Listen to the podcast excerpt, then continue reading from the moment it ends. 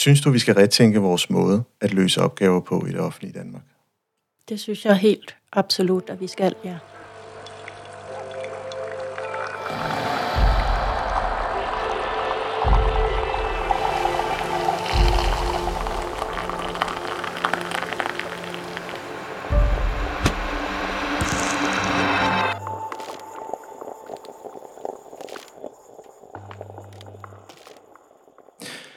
Velkommen til podcastprogrammet Kaffe og Ledelse. Mit navn er Han Gomes, stifter af Mindcloud og er jeres podcastvært. Du kender måske fornemmelsen af, at man står med nogle udfordringer i en afdeling, der begynder med at blive ret tydelige, men som der ikke er nogen nemme svar på, hvordan skal løses. Derfor bliver analyseapparatet sat i værk for at finde frem til evidensbaserede løsninger eller best practice, der kan matche det, som antages at være udfordringen. Det hele munder ud i nogle projekter, som er flot velskrevet, og som alle bakker op. Styregruppen er nedsat, og alle føler sig overbevist om, at det er det rigtige at gøre. Man ved naturligvis godt, at der kan ske ændringer, men man føler sig tryg ved at have analyseret situationen, og at man har fundet den rette løsning. Hvis du kender denne situation, så kender du sikkert også den her. De får overhovedet ikke den effekt ud af det, som de har sat næsen op efter. Men måske er det en helt anden årsag til, at det vil gå galt. For selvom det kan være noget at hente i planlægning og udførelsesdelen, så er det ofte større potentiale i at gentænke, hvordan man overhovedet forstår problemstillinger og tilgangen til at løse dem. Det handler om kompleksitetsreduktion, men oftest udvider vi kompleksiteten mere og mere ved at øge andelen i at måle vores indsats og forstå, hvorfor den ikke virker med analyser. I en tid, hvor hovedloven skal ud i kommunerne og leve, øger det den organisatoriske kompleksitet yderligere. Det, som er ment godt, kan risikere inden som en fuser. Er organisationerne klar til dette opbrud, der er velment tænkt for politisk hånd, et opbrud, der kan gå fra analytisk målbarhed til meningsskabelse. Det er jo trods alt to forskellige typer for organisering, og stiller krav til kommunerne og deres evne til at tænke helheder, i hvert fald på nye måder. Det vil øge kompleksiteten og derved den utryghed for medarbejdere, der skal gøre det her operationelt og følge med, såsom igen at måle det, man laver ved at tage ressourcerne fra de varme hænder. Forfølger ressourcerne med til denne transformation, eller forgældes organisationerne yderligere? Kan der være tale om en giftig gæld og en udpint velfærd? Og kunne det være en forklaring på, hvorfor systemets logikker og incitament taler mere til analyse og mindre udførelse? I dette afsnit, der taler vi netop om den udpinte velfærd. Vi taler om fremtidsutopi, totalitær sprogbrug og nulsom tilgang. Vi taler om en optimering et sted og en reduktion et andet sted. Og i alt dette øh, lederens reelle råderum. Er det blevet til newspeak det hele, altså at alle mulige kerneord er tømt for indhold? Og hvordan skal vi ændre en reel kurs for vores måde at tænke på? I hvert fald indsats og logikker. Hvad er lad så gørbarheden i alt det her? Det er i hvert fald nogle af mine antagelser til en samtale med meget stærk inspiration fra min gæsts nye bog, der hedder Giftig Gæld og Udpint Velfærd. Min gæst er Susanne Ekman, der er lektor i ledelse, organisation og arbejdsliv på Roskilde Universitet. Velkommen til. Tak skal du have. Jeg ved, at øh, det er et super spændende emne, og jeg har lyttet til dig i, i, øh, i hvert fald to oplæg, og har læst noget af din bog jeg er ret begejstret, så det kan godt være, at det kommer til at fremstå i den her podcast. Jeg synes, det her i hvert fald udfordret min måde at tænke på, og understøtter også den erfaring, jeg har haft som leder. Men øh, jeg tænker, at vi skal nok tale meget mere om det. Men først og fremmest, lad os øh, lige få kastet lidt lys på. Hvor sidder vi hen i dag? Jamen, vi sidder nede på mit kontor på øh, Roskilde Universitet, hvor der er sådan en øh, dejlig temperatur et sted mellem 16 og 18 grader. Øhm, og så har vi lige fået den øh, lokale kaffe, øhm, som går under navnet øh, bouillon eller suppe, øh, hvis nok med henvisning til den lidt manglende styrke. Øhm, ja, og ellers så er vi øh, omgivet af mine øh, bøger og min arbejdsstation derovre, og øhm, det er der, vi sidder. Ja, og jeg tror også, at det er i den her podcasts øh, historie nok det mindste bord. Ja. og, og du sidder faktisk en lille smule distanceret med øh, mikrofonen på skødet. Så du Øh. kan forestille dig, hvor, hvor tæt jeg sidder med mine studerende, når jeg skal sidde rundt om det der og vejlede. Der kommer vi hinanden ved. Ja, det må man sige. Øh, jeg, jeg tænker ikke, at det, det har været særlig coronavenligt. Nej, nej, der, der konverterede vi lige til noget virtuelt. Ja, ja. Og en af de ting, som, øh, som har optaget dig de se- seneste mange år, det er jo at, at arbejde lidt smule med forskning og arbejde med den udpinte øh, offentlige organisationer, øh, i hvert fald med nogle helt masse cases og, og så videre. Men inden vi går sådan for alvor i gang, skal vi ikke prøve at smage øh, bouillonsuppen, som Jo. du kaldte den? Det synes jeg da helt klart. Mm. Skål. Skål.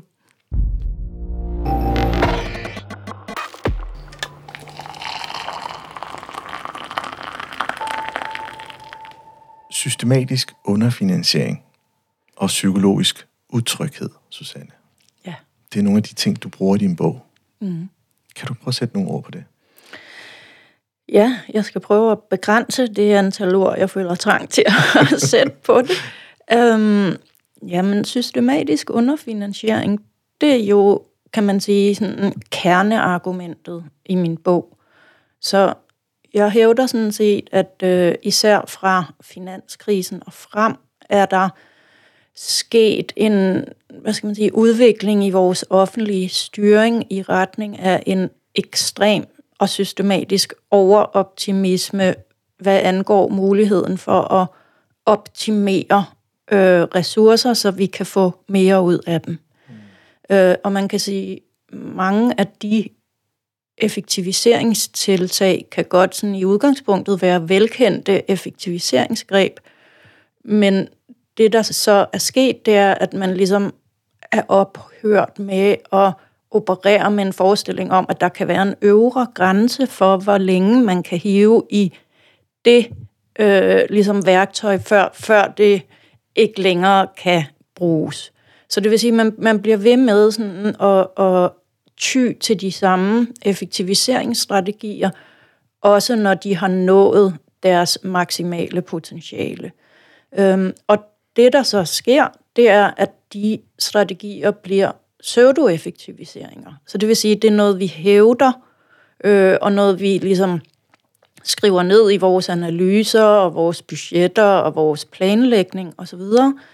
Men i praksis kan virkeligheden derude ikke følge med. Det vil sige, at ressourcerne kan ikke optimeres på den måde, vi forudsætter i vores øh, planer og strategier og analyser. Og så bliver det faktisk til nogle systematiske former for underfinansiering, hvor det vi lover, vi kan med et givet sæt ressourcer, faktisk er langt ud over, hvad man egentlig kan med det sæt ressourcer. Mm. Men hvordan snublede du over det her? Det, det gjorde jeg. Altså, jeg synes, på et tidspunkt synes jeg næsten ikke, jeg kunne vende mig nogen steder hen, øh, uden på en eller anden måde at snuble over det. Øh, men man kan sige, jeg er jo også selv offentlig ansat, øh, og, og jeg snublede sådan i stigende grad stærkt over det i min egen hverdag. Ja. Øhm, så det kom jo til udtryk som en følelse af, at min tid til, til min kerneydelser dalede, at jeg i stigende grad var i krydspres, øhm, og at de krydspres efterhånden sådan antog et omfang, der gjorde, at de prioriteringer, jeg var nødt til at lave, øhm, de var sådan set ikke længere legitime øh, i forhold til den retorik, min arbejdsplads havde om, hvad der skulle nås.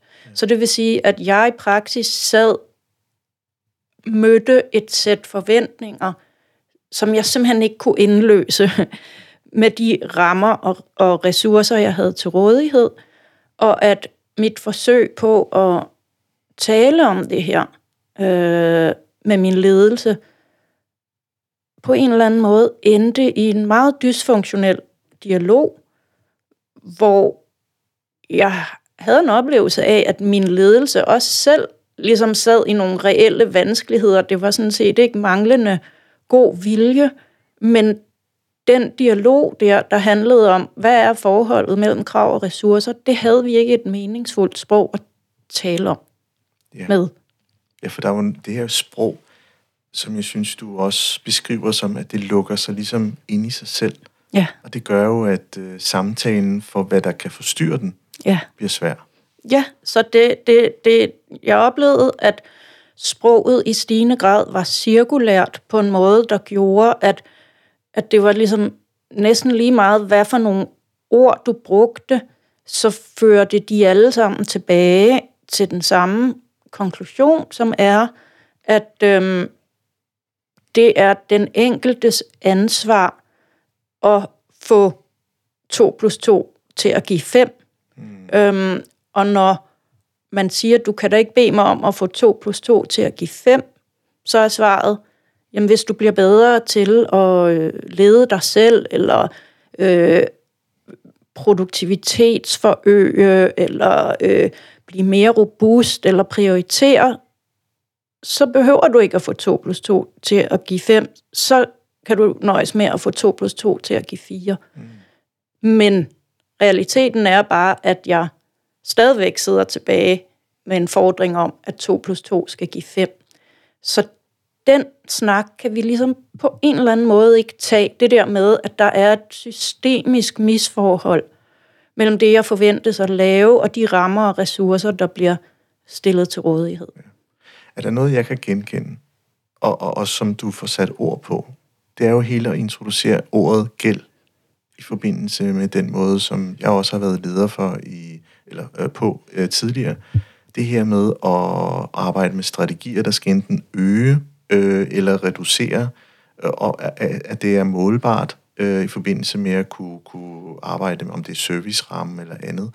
Mm. Og, og tendenser og takterne, jeg også har spottet, det er jo, at, at vi klandrer en lille smule lederne for at skabe mm. det her legitime rum for den måde at tale på. Ja. Øh, fordi det er nemt sprog. Mm. Det er nemmere at tale om, hvor, hvor, hvor hvis vi skal begynde at arbejde med noget, som er meningsskabende, mm. så er det ufattelig kompliceret, og ligestallet, mm. det bliver ufattelig højt. Mm. Og man taber folk, mm. når man begynder at drøfte de her ting.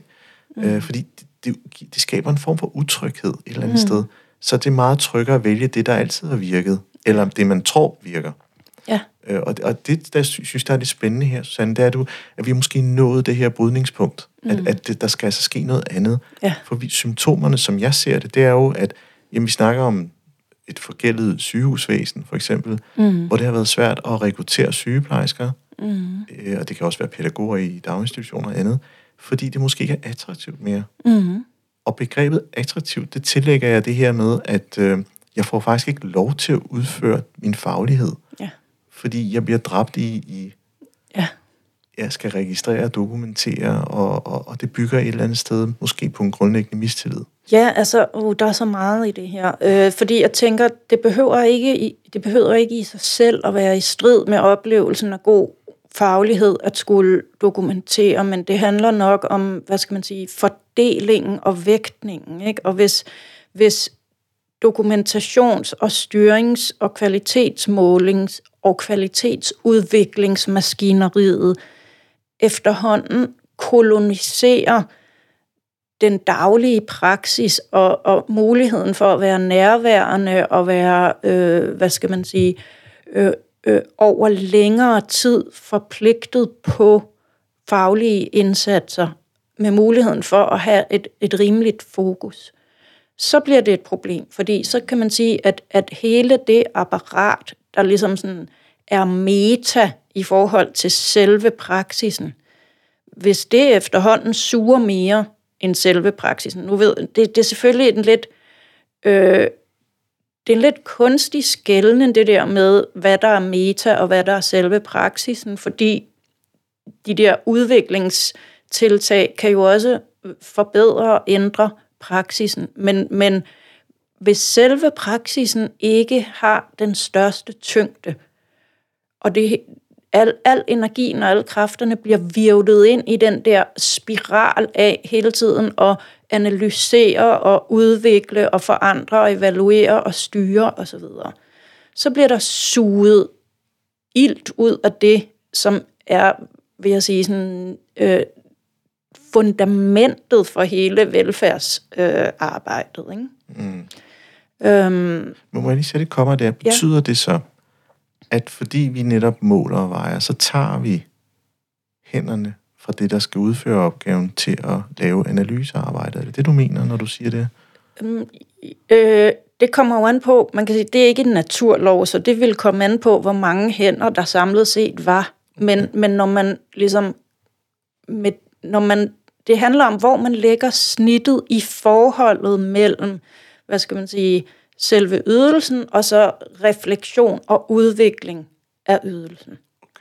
Øhm, og hvis hastigheden og kompleksiteten og ressourcetildelingen til alt det, der handler om analyse, øh, øh, reform, udvikling, dokumentation osv., hvis den stiger og stiger og stiger i forhold til selve det at stå i det daglige og udføre noget, så på et eller andet tidspunkt, så, så vipper det. Mm. Og det, der så gør det ekstra, hvad skal man sige, farligt i det her tilfælde, for at vende tilbage til det med gæld, øhm, det er, at hvis alle de her refleksioner, analyser og reformer er sat i verden for at optimere ressourcer, og de forventninger, vi har til, hvor hurtigt og hvor meget vi kan optimere dem i kraft af analyser og reformer, hvis de forventninger er meget, meget urealistiske, så kan man sige, at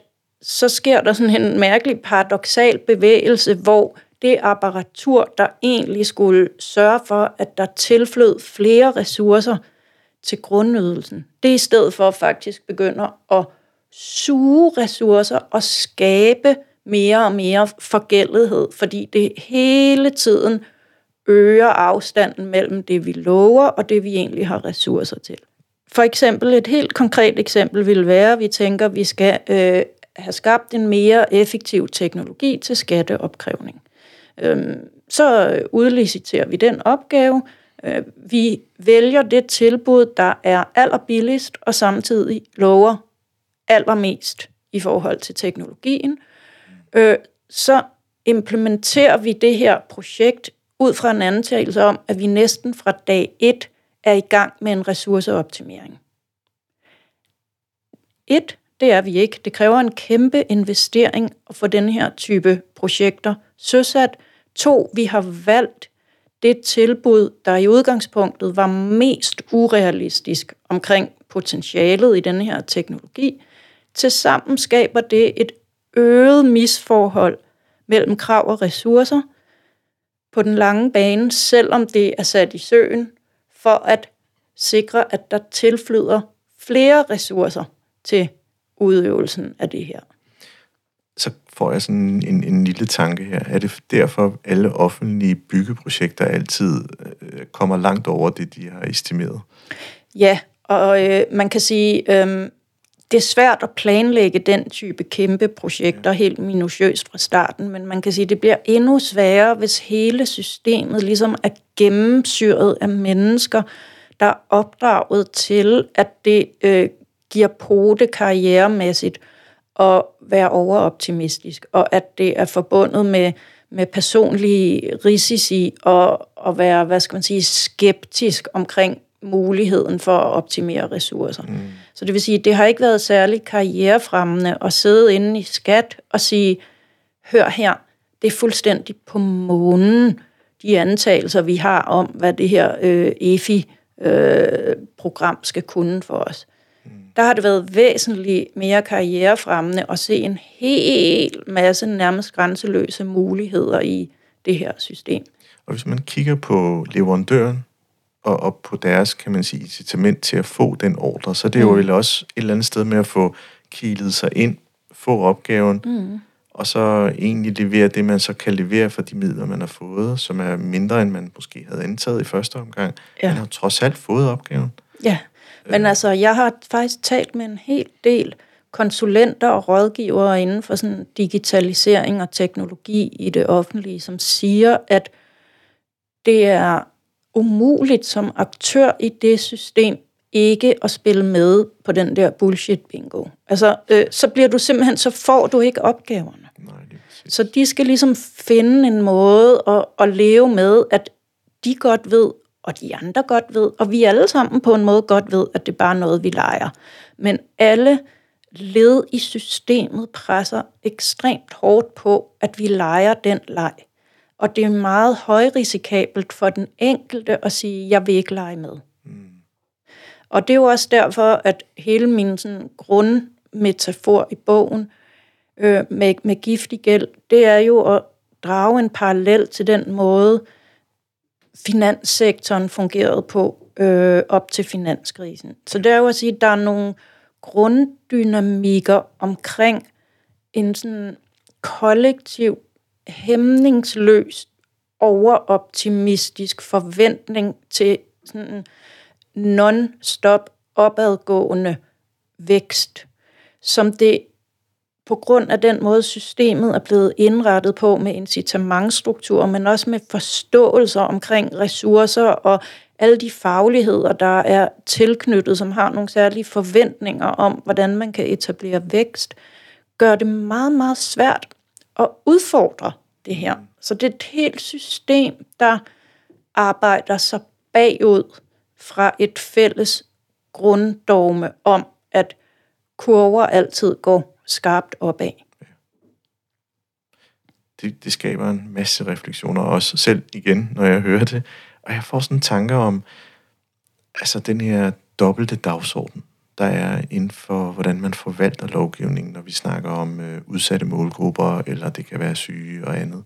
Og for eksempel i, i serviceloven, så er der jo det her med, at øh, paragraf 1, tror jeg, hun må I øh, ikke hænge mig ud, hvis jeg har citeret den forkert, øhm, noget med, at man skal række ud og være der, hvor de unge er, den unge, som er under 18, øh, eller barnet, og, og egentlig give det tilbud, der er, der, der er tilstrækkeligt i forhold til at kunne hjælpe vedkommende videre.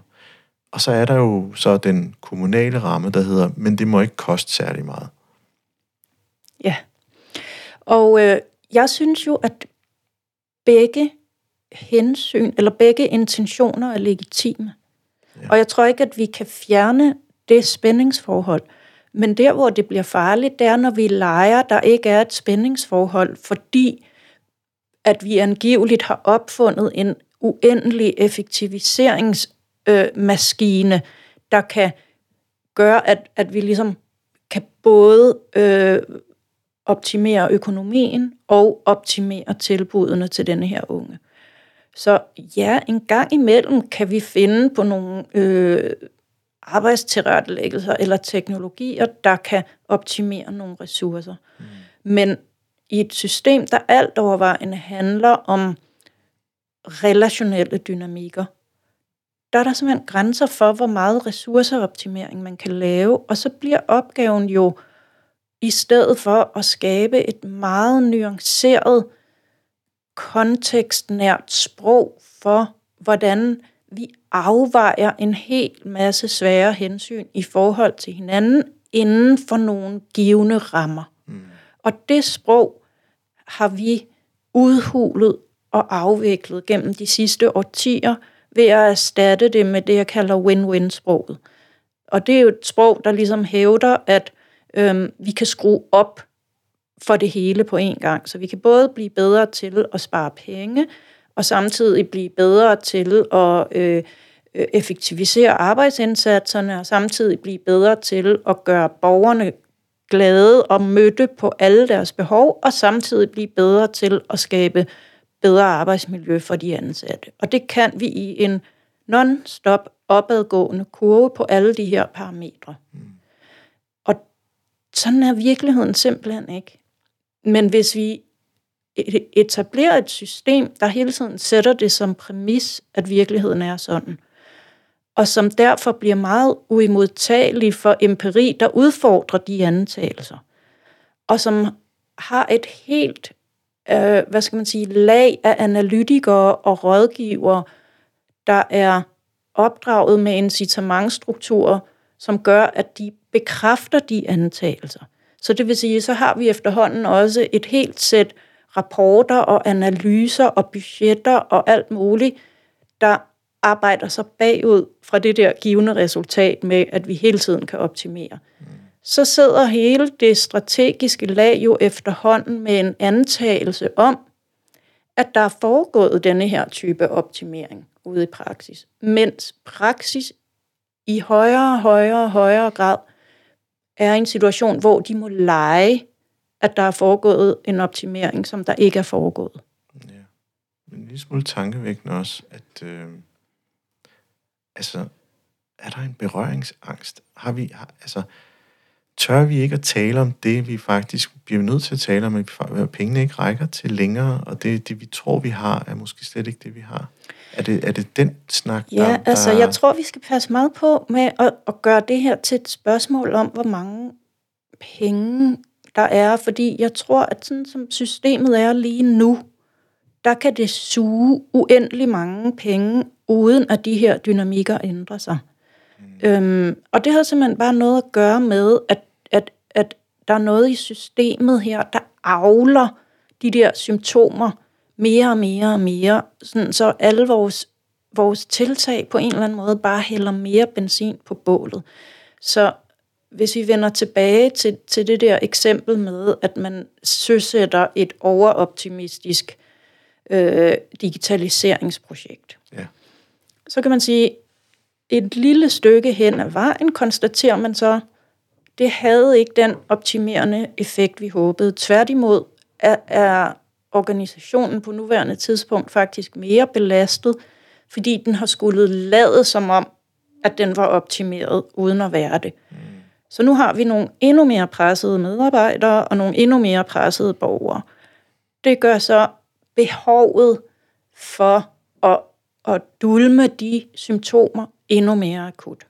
Så sker der det, så sætter vi et nyt sæt analyser og effektiviseringstiltag i gang, men nu skal det lindre et endnu større gab mellem krav og ressourcer, og det skal helst gå rigtig hurtigt, fordi det er meget akut. Så bliver den overoptimisme, der er indbygget i det næste tiltag, endnu større. Og det, der så sker, ligesom, det er, at, at i den bevægelse bliver der suget flere og flere kræfter ind i reparationsdelen af systemet, uden at det faktisk reparerer. Det forøger bare symptomerne. Så nogle gange bruger jeg den her metafor, den har du så også hørt før med, at, at det svarer lidt til, at vi har en, en øh, patient, der er i smerter på grund af overbelastning. Mm. Så giver vi vedkommende smertelindrende medicin. Og tænker så, nu, nu, nu kan du køre igen. Problemet er bare, at den smertelindrende medicin for det første jo ikke har ændret på det faktum, at vedkommende bliver overbelastet i sin situation, men den giver også nogle bivirkninger, den medicin. Så sætter vi os ned og bruger en masse ressourcer på at udvikle noget bivirkningsmedicin. Så giver vi personen noget bivirkningsmedicin, men det giver også nogle bivirkninger. Plus at personen faktisk bliver ved med at være i belastningstilstanden, som gør, at smerterne, sådan grundsmerterne stiger – så udvikler vi bivirknings, bivirknings, bivirkningsmedicin. Og til sidst har vi sådan hele sektorer siddende, der bruger alle deres ressourcer på at forske i bivirkninger og bivirkninger af bivirkninger. Og et eller andet sted fortaber den ret mm. banale pointe sig, at udgangspunktet var, at vi havde et overbelastet menneske. Og måske hvis nogle af alle de ressourcer, vi lige nu bruger på at forske i bivirkninger og afhjælpe bivirkninger, hvis vi brugte dem på at mindske belastningen, så kunne man altså pille sådan et helt uendeligt sæt led af sekundære øh, tiltag væk, men det er et meget selvopretholdende system, og, og, og det er jo blandt andet også, fordi følelsen af akuthed stiger hele tiden, men også, at det er, en, det, det er ligesom en erkendelse, der gør rimelig nas, hvis man efterhånden har søsat et helt univers, der kredser om, hvor vigtigt det er at forstå bivirkninger. Det er, det er en ret voldsom mm, erkendelse og dekonstruktion at skulle ind i og pille det fra hinanden. Ja, og en ret stor opgave. Ja. Og jeg kan jo godt se, når jeg stiller mine spørgsmål, så tager jeg udgangspunkt for kendte referencerammer, altså økonomi, øh, mm. mere eller mindre af det osv. Og, og det, mm. du, det, du egentlig inviterer mig lidt ind til, det er jo, som, ja, måske er hele forudsætningen for at tage snakken på en helt anden bane. Ja. som ikke er på kendtes præmisser. Ja.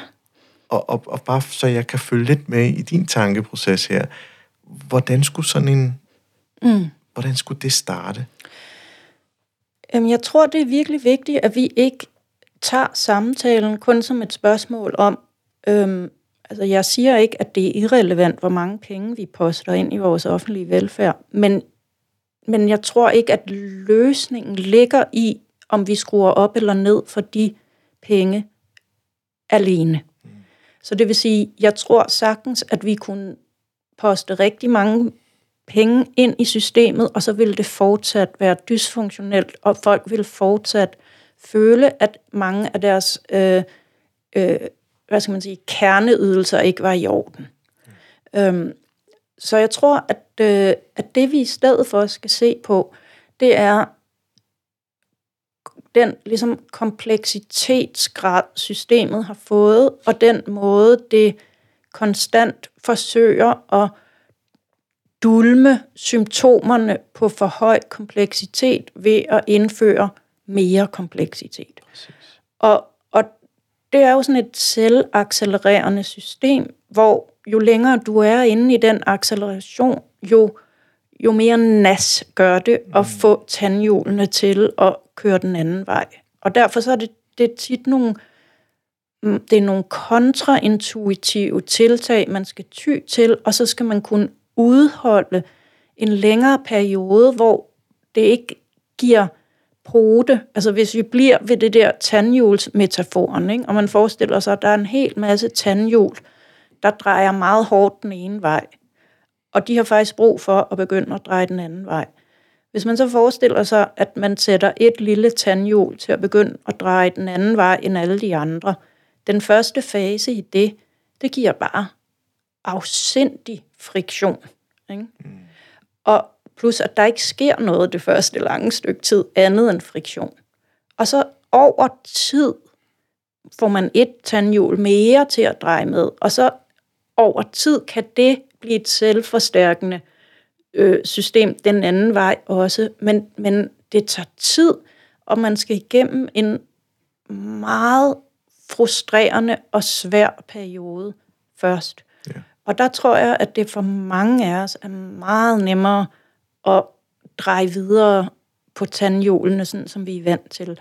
Og det bliver så ved at forøge kompleksitet, i stedet for at træde et skridt tilbage og sige, det vi skal, det er, at vi skal fjerne noget. Vi skal ikke, vi skal ikke opfinde forfra. Vi skal ikke have sådan et frikommune, øh, opfinde alt, hvad I overhovedet øh, øh, ved om organisering helt forfra fra Adam og Eva.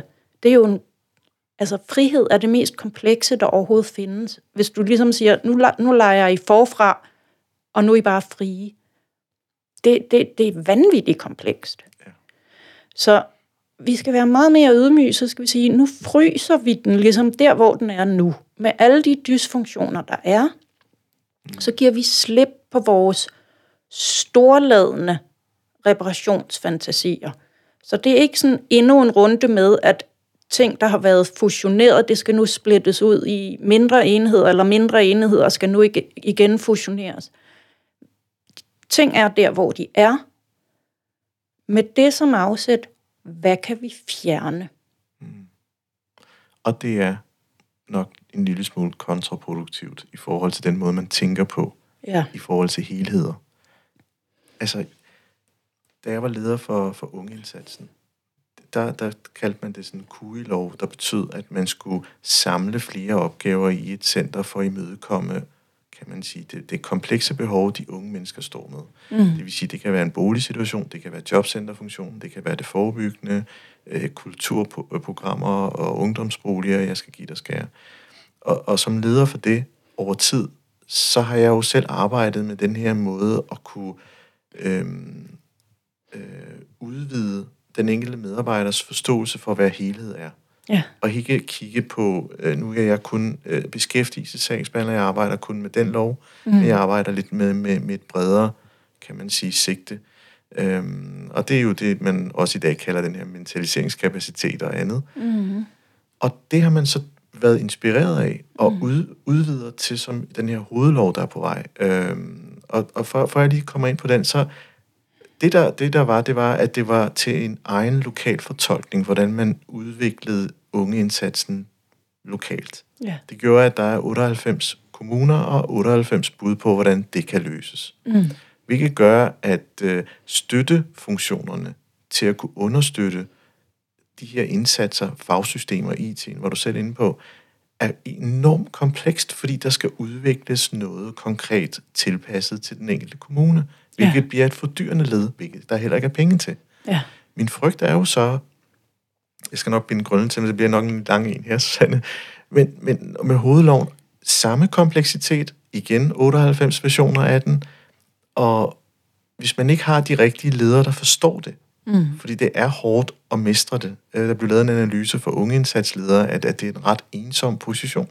Mm. Øhm, jamen så, så gør man også medarbejderne utrygge, fordi mm. man introducerer dem til en verden, der er alt for kompliceret. Mm. Og det er for svært for en nyuddannet at træde ind på den scene. Mm.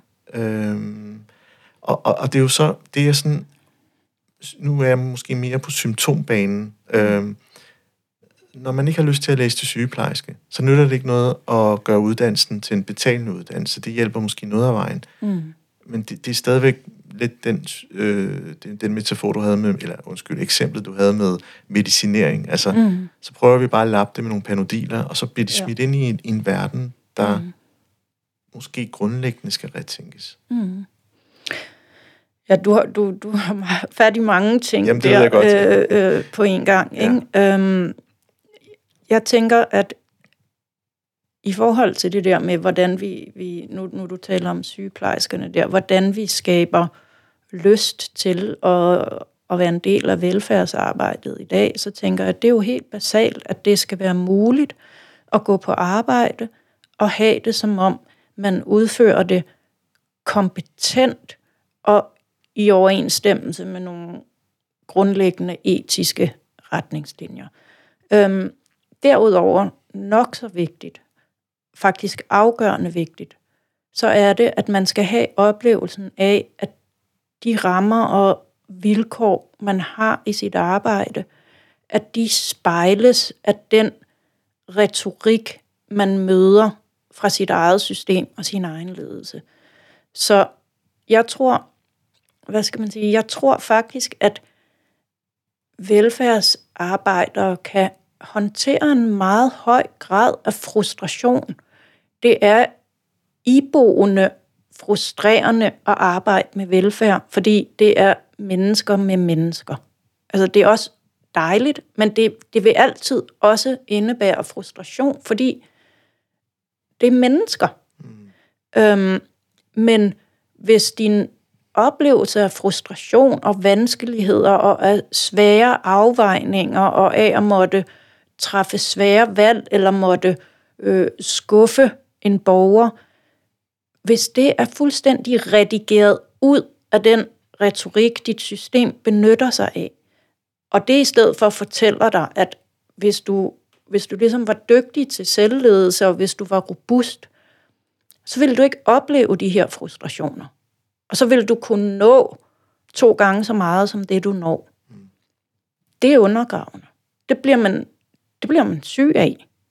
Det kan vi jo se i dag. Ja, så, så, så det allerførste, der skal ske, det er, at vores sprog omkring, hvad der foregår i hverdagen, i velfærdsinstitutionerne, det skal altså afspejle de almindelige medarbejderes oplevelse. Så vil der, der vil altid være nogle kræfter, der trækker det strategiske led i en anden retning end de udførende. Øh, fordi strategernes opgave er en anden end de udførendes. Men det, det der spændingsforhold, det kan godt gøres produktivt. Men det bliver farligt og dysfunktionelt og undergravende, hvis de to parter er på, på to forskellige planeter.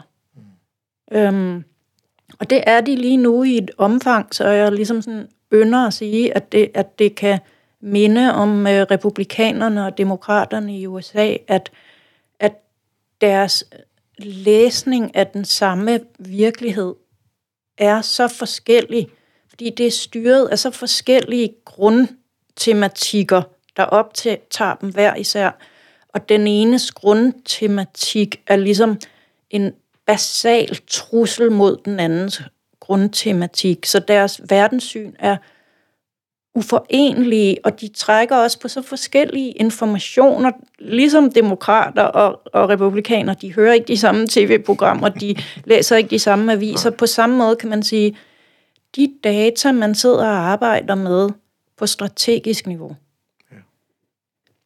de opleves som på månen for den almindelige medarbejder. Og det er de sådan set også i den forstand, at der er sket en meget væsentlig filtrering, mens de her data rejser op gennem systemet, fordi hele systemet er gearet til at lave de her overoptimistiske analyser. Ja.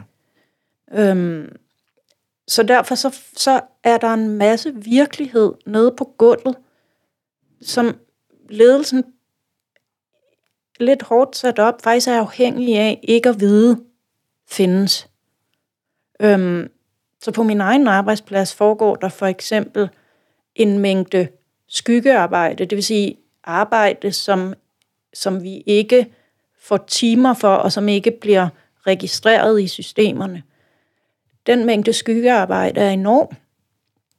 Øhm, det, er, det er ikke noget, ledelsen har lyst til at vide, fordi den har faktisk ikke nogen som helst tilgængelige måder at håndtere det på. Fordi som ledelse er de afhængige af at lege, at de har effektiviseret vores indsats mere, end den kan effektiviseres. Ja, fordi det er nogle krav, der bliver stillet det dem. Det bliver stillet hvordan, til dem. Ja. Og det gør det, fordi at de udviklingskontrakter, mit universitet skal lave med ministeriet, også hele tiden antager, at vi bevæger os i en lodret kurve mod toppen af international excellence. Øh, Roskilde Universitet. Ja, jeg er vild med den sætning. Øhm, plus, at vi ignorerer, hvad det egentlig gør ved organisationen, at den får overhovedet at kunne få lov til fortsat at eksistere og formidler, formidler fra, fra, øh, fra ministeriet, skal igennem den ene storstilede øh, øh, kvalitetsmåling og kvalitetsudviklingsproces efter den anden. Så bare den akkrediteringsproces, der har kørt, mm. det er ganske enkelt svimlende, hvad det repræsenterer i skjult arbejde for de almindelige ansatte. Øhm, parallelt med det er der jo så øh, uddannelsesreformer og øh, øh, institutsammenlægninger og øh, øh, centralisering af den administrative stab, og jeg kunne blive ved. Og alt det her, det, det trækker på en eller anden måde på sådan en usynlig ekstra arbejdskraft hos de almindelige ansatte, som så også samtidig hele tiden skal optimere på alle andre parametre. Og, og jeg er sikker på, jeg kan i hvert fald genkende meget af det, måske nu er jeg jo ikke selv ansat her, men, men i andre organisationer, fuldstændig genkende det. Jeg kan også genkende det fra min, min børns folkeskoletid. Øh, den her med, det skal vi gøre, fordi loven siger det. Og, og man kan tydeligt se i den menneskelige interaktion, at meningen er der ikke. Mm. Vi gør det, fordi nogle andre har besluttet, at vi skal gøre det. Mm. Får man jo til, sådan, til at tænke lidt over det her, når der er en velmenende politiker med magt, mm. der siger, at vi skal introducere værdighed i det arbejde, vi gør, mm. og smider det ned i det maskineri, mm. så er det stadigvæk et maskineri, der kører på nogle præmisser, og, og, og, og, og hvordan man kapitaliserer begrebet værdighed, mm. og hvordan det kan få lov til at leve konkret. Mm. Altså, jeg vil til, ja. til, til en start vil jeg sige, jeg er glad for, at jeg ikke er politiker. Det er svært at være politiker. Og når jeg snakker med politikere om de her ting, så siger de, det øjeblik, du skaffer os nogle vælgere, der stemmer på os, hvis vi siger, I kan ikke både få det ene og det andet. Det vil sige, hvis vi begynder at tale et, et afvejnings- eller prioriteringssprog. Det vil sige, vi kan ikke både øh, skrue op for øh, 10 forskellige typer specialindsatser på folkeskoleområdet, og samtidig forbedre vores ældre indsats på alle de her forskellige. Altså vi er simpelthen nødt til at foretage nogle afvejninger. Det, det er jo politisk selvmord. Det vil sige, at vi, vi er jo alle sammen vælgere, der vælger politikere, som lover os at blæse og have mel i munden. Når vi gør det, så vælger vi også samtidig nogle offentlige institutioner, der leger, at de kan blæse og have mel i munden. Mm. Og vi er så en del af os, der arbejder i de institutioner, og skal blæse og have mel i munden hver dag, men vi er så også en hel masse borgere, der ender med at modtage ydelser fra et system, der skal lege, at det kan blæse og have mel i munden. Jeg kan ikke lade være med at drage paralleller til, til Grækenland for nogle år siden, som... Øh, altså nu har jeg det kun for historie, det er brudstykker, og den kom sådan lidt, så jeg er ikke forberedt på den i hvert fald. Øh, de blev ekstremt forgældet i sådan en grad, at der var kollaps. Ja. Øh, og, og det, der det gjorde det, det fremmede jo bare øh, nogle yderfløjer, der, der, der, der, kan man sige, med meget korte handlende sætninger prøvede at forandre verden, og det mm. var også nogle grimme scener. Øh, mm. øh, er det det, der kan komme til at ske? Jeg tror, det er vigtigt, at jeg først lige kvalificerer begrebet gæld, fordi jeg, jeg bruger det ikke kun i økonomisk forstand. Jeg bruger det i sådan lidt bredere filosofisk forstand. Ja. Og der er gæld defineret som øh, kvantificerbare løfter om fremtiden. Altså noget, man lover at indfri i fremtiden, som er defineret på sådan en rimelig håndgribelig måde. Øhm, og så skældner jeg også mellem øh, gæld og giftig gæld. Så giftig gæld, det er gæld, der allerede fra det øjeblik, man stifter den, er så ubæredygtigt, at den kun kan opretholdes ved, at man stifter ny gæld for at holde den kørende. Mm. Så det er en form for gæld, der avler mere gæld i stigende grad hele tiden. Øhm, gæld i det offentlige, det handler ikke kun om at skylde penge, det handler også om at afgive velfærdsløfter, som vi ikke har ressourcerne til. Så øhm, hvis vi ser på løfterne, så er det jo alt den velfærd, politikere beslutter, at danskerne skal have. Øh, det står i lovgivning og andre steder. Øhm, ressourcerne, det er penge, men det er også teknologi og arkitektur og så videre, en masse materielle ting, og så er det frem for alt en masse menneskelige ressourcer. Ja. Og det er jo i høj grad fantasien om at optimere de menneskelige ressourcer, der har ligget til grund for de her effektiviseringstiltag, vi har set i den offentlige sektor. Ja, altså grund til, at jeg gør det med Grækenland, det er fordi, det handler også lidt om, at symptomet, der gentager sig, mm-hmm. gør jo, at, nu brugte jeg ordet tillid tidligt øh, i, i vores samtale, at det er en stigende mistillid, der, ja. der kommer i kølvandet af, at man så i sit velfærdssprog og sine lovinger ikke kan holde det, man egentlig har sagt. Altså, hvis jeg skal lave parallellen til Grækenland, så kan man sige, der skete et massivt overforbrug af offentlige ressourcer i Grækenland. Ja. Øhm, det var der faktisk nogle magtfulde aktører, der, øh, hvad skal man sige, fik noget meget lukrativt ud af, nemlig en masse vestlige banker, der sådan set øh, hjalp den, den græske stat gennem længere tid til at opretholde det her overforbrug ved at fifle med gældsspekulation.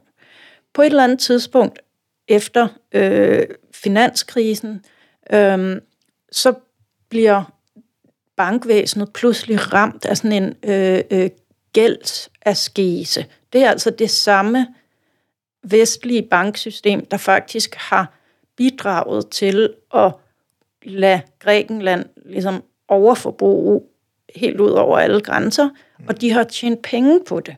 Øhm, det, der så sker, da man ligesom mm, nu pludselig, surprise, surprise, øh, erkender, det er et fuldstændig overophedet system, det her, det er dybt forgældet, så gør man så det, så ændrer man logik fra den der hyperspekulations, gældspekulationslogik til sådan en, en øh, øh, gæld skal afvikles nu. Ja. Og så giver man dem nogle fuldstændig urealistiske rammer til at afvikle gælden, som sådan set bare, hvad skal man sige, udpiner øh, de, de, de, hvad skal man sige, den sådan, øh, det fundament, hvorfra de skulle kunne opbygge nogle ressourcer og betale tilbage med. Mm. Og, og, og man kan sige, hvis vi skal overføre det der til det danske velfærdssystem, så kan man sige, hvis ikke vi får bremset den overophedning, der er i gang i vores velfærd, så vil vi se nogle sprækker i det, og nogle, nogle sådan, øh, tendenser til kollaps, der måske kunne minde om noget af det, der skete i Grækenland. Det vil sige, at systemerne holder op med at kunne opretholde sig selv. De holder op med at kunne øh, levere de grundydelser, de skal kunne. De holder op med at kunne tiltrække de aktører, der er nødvendige. Det vil sige, så pludselig står vi med en mere systemisk erkendelse af, at det hele faktisk er overophedet og forgældet. I den situation er det ekstremt afgørende, at vi formår at forvalte den der forgældethed øhm, realistisk og reflekteret, og med en fælles samtale om, hvordan, øhm, hvordan betaler vi den gæld tilbage. Og det vil sige, at det, det nytter ikke med sådan nogle øh, fuldstændig urealistiske øh, nøjsomhedsudpiningsstrategier. Vi skal have nogle langsigtede, realistiske strategier for at stille og roligt mindske gabet mellem krav og ressourcer, og så skal vi passe på, at det vi ellers ser andre steder, når sådan nogle, nogle øh, øh, gældsspekulationssystemer kollapser, det er, at det er de sårbare grupper, der betaler. Ja, for det, var, det var faktisk den kobling, jeg, jeg sådan lidt prøver at arbejde mig lidt hen imod. Øh, jobcentrene mm. har jo været med enkelte eksempler på borgere, der har haft det skidt, været så dagsorden øh, styrende, så det faktisk har bragt øh, hele den branche lidt i den her sådan, forsvarsposition for at sige, at vi gør faktisk også nogle gode ting. Mm. Øh, og vi gør jo egentlig det, politikerne har efterspurgt osv. Mm. Men de her enkelte, som du måske også mener med at sige sprækker, mm. så er der en konkret situation et sted. Det kan også være en, en, en, en, en fuldstændig systemet har efterladt et barn et eller andet sted, og vi har ikke, og så videre. Mm. Så kan man jo som borger tænke den tanke, der hedder, hvad er det, jeg betaler min skat til? Mm. Og deraf mener jeg så, at når det akkumulerer over tid, mm. så er den konstruktion, der er ikke nogen incitament til at stole på den mere. Nej. Og det, det, det, det er måske det, der, jeg er. Måske siger jeg det også med nogle andre ord, så jeg falder ja. lidt i... Øh... Altså, jeg, jeg tror i hvert fald, der, der er også mange ting at sige til det der, men jeg tror, at, at en af tingene er jo, at, at vi også har skabt et system, hvor den enkelte borgers forventning til velfærdsdanmark er meget, meget høj. Det er jo ikke så sært, hvis, hvis hele systemet er baseret på hele tiden at øge løfterne. Ja. Også selvom ressourcerne ikke kan følge med. Øhm, så har vi jo efterhånden et system, der ligesom hele tiden møder borgerne ved at love, det, det, det, det tager vi også hånd om, det tager vi også hånd om, det tager vi også hånd om. Og samtidig med, at løfterne øges og øges, så er der en række af sådan grundydelserne, systemet har sværere og sværere ved overhovedet at løfte. Mm. Og det betyder, at den enkelte borger oplever sit daglige samspil med systemet mere og mere som et en række løftebrud. Og det, det, det, det, det lægger et pres på hele kontrakten mellem borgeren og velfærds Danmark. Susanne, vi kan blive rigtig, vi kan blive ved i lang tid. Ja, vi skal lige have en slurk af vores kaffe, for os at lige runde programmet af. Så lad os lige uh, få skålet lidt igen. Yes, skål.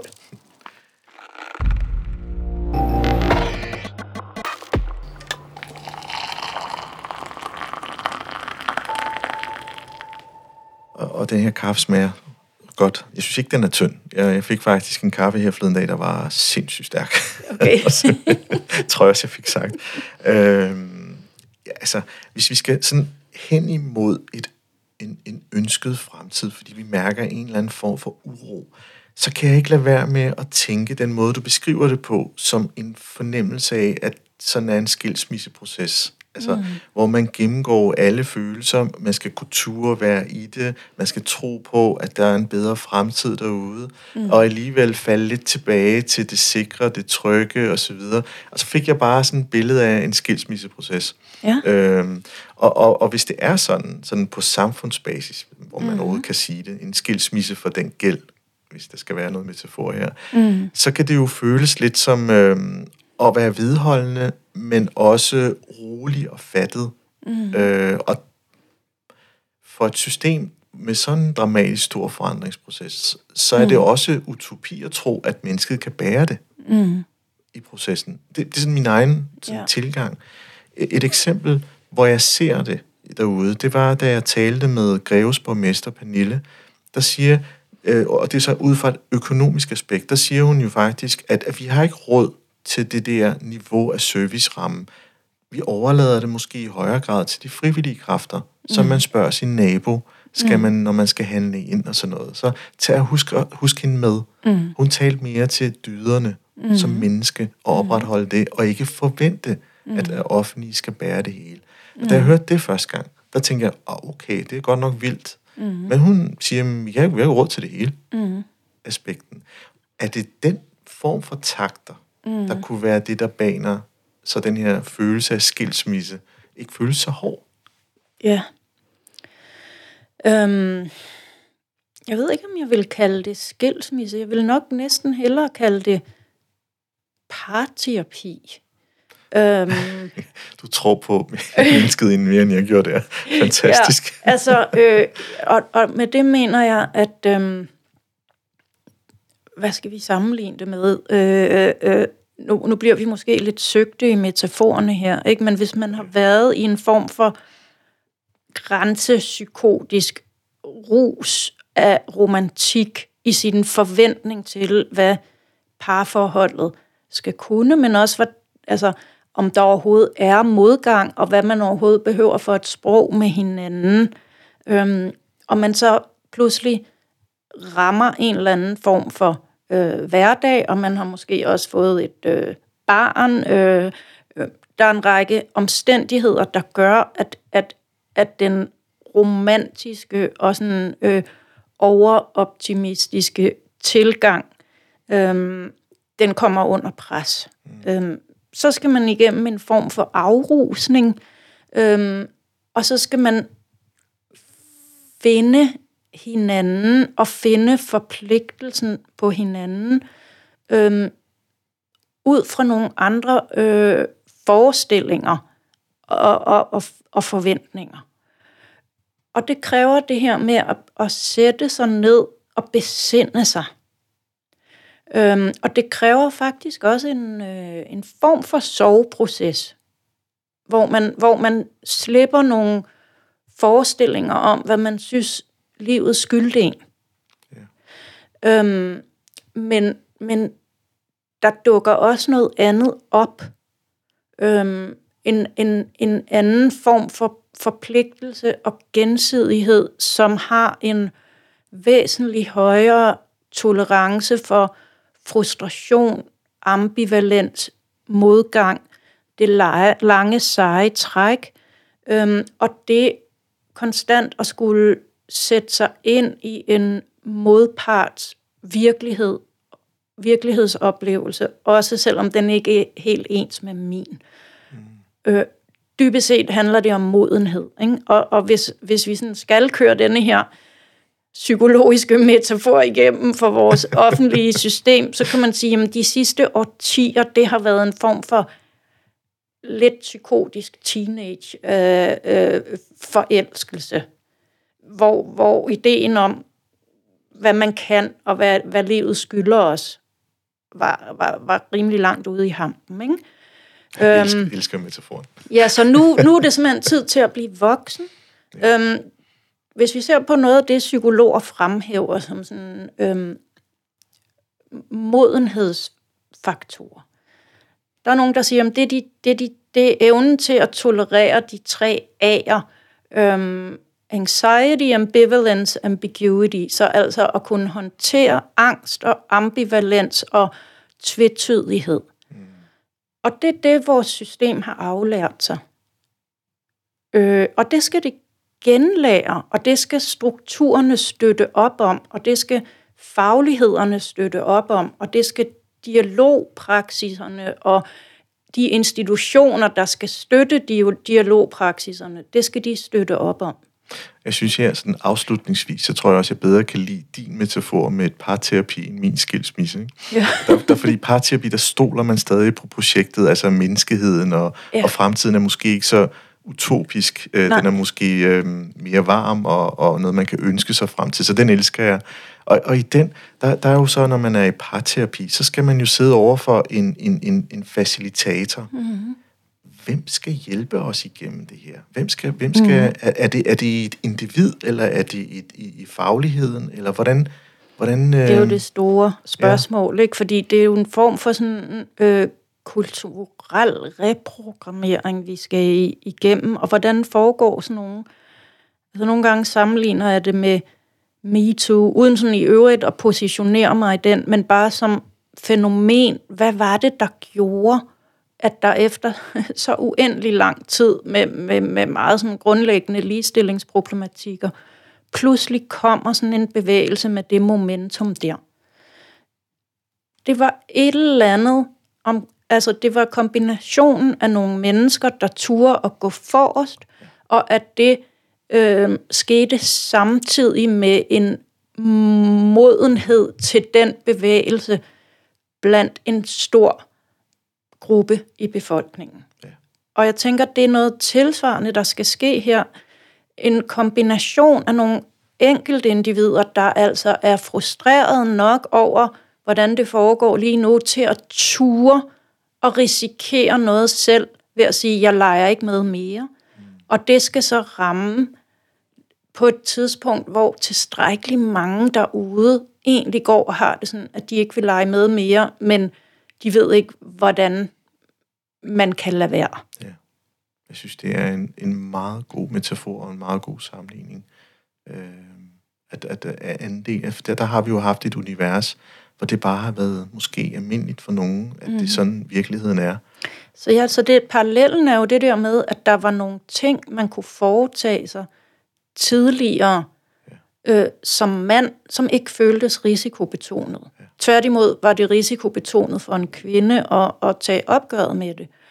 Så der sker nu en dyb forrykkelse af nogle grundlæggende samfundsmæssige normer, der ændrer, hvad der er risikabelt og hvad der er legitimt. Ja. Jeg skal ikke gå yderligere i detaljer med, med, med lige, der, det kan man diskutere, ja, det men det er selve rigtigt, princippet omkring, ja. at noget, der ligesom ikke kunne udfordres før, nu faktisk opleves som risikabelt. Ja. Og det skal opleves som risikabelt at bedrive overbud øh, som offentlig leder og offentlig ansat, hvor det i dag opleves risikabelt ikke at gøre det. Mm.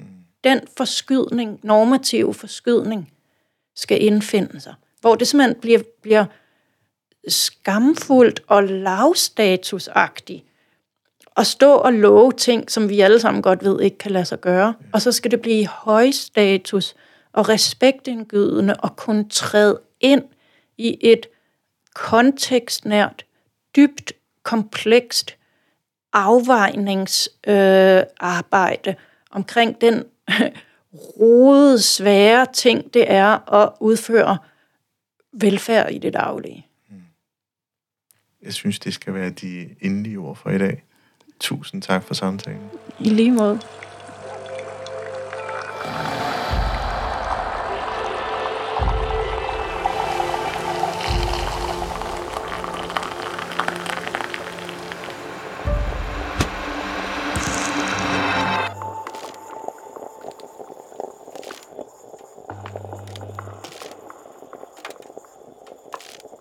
Du har lyttet til podcastprogrammet Kaffe og Ledelse.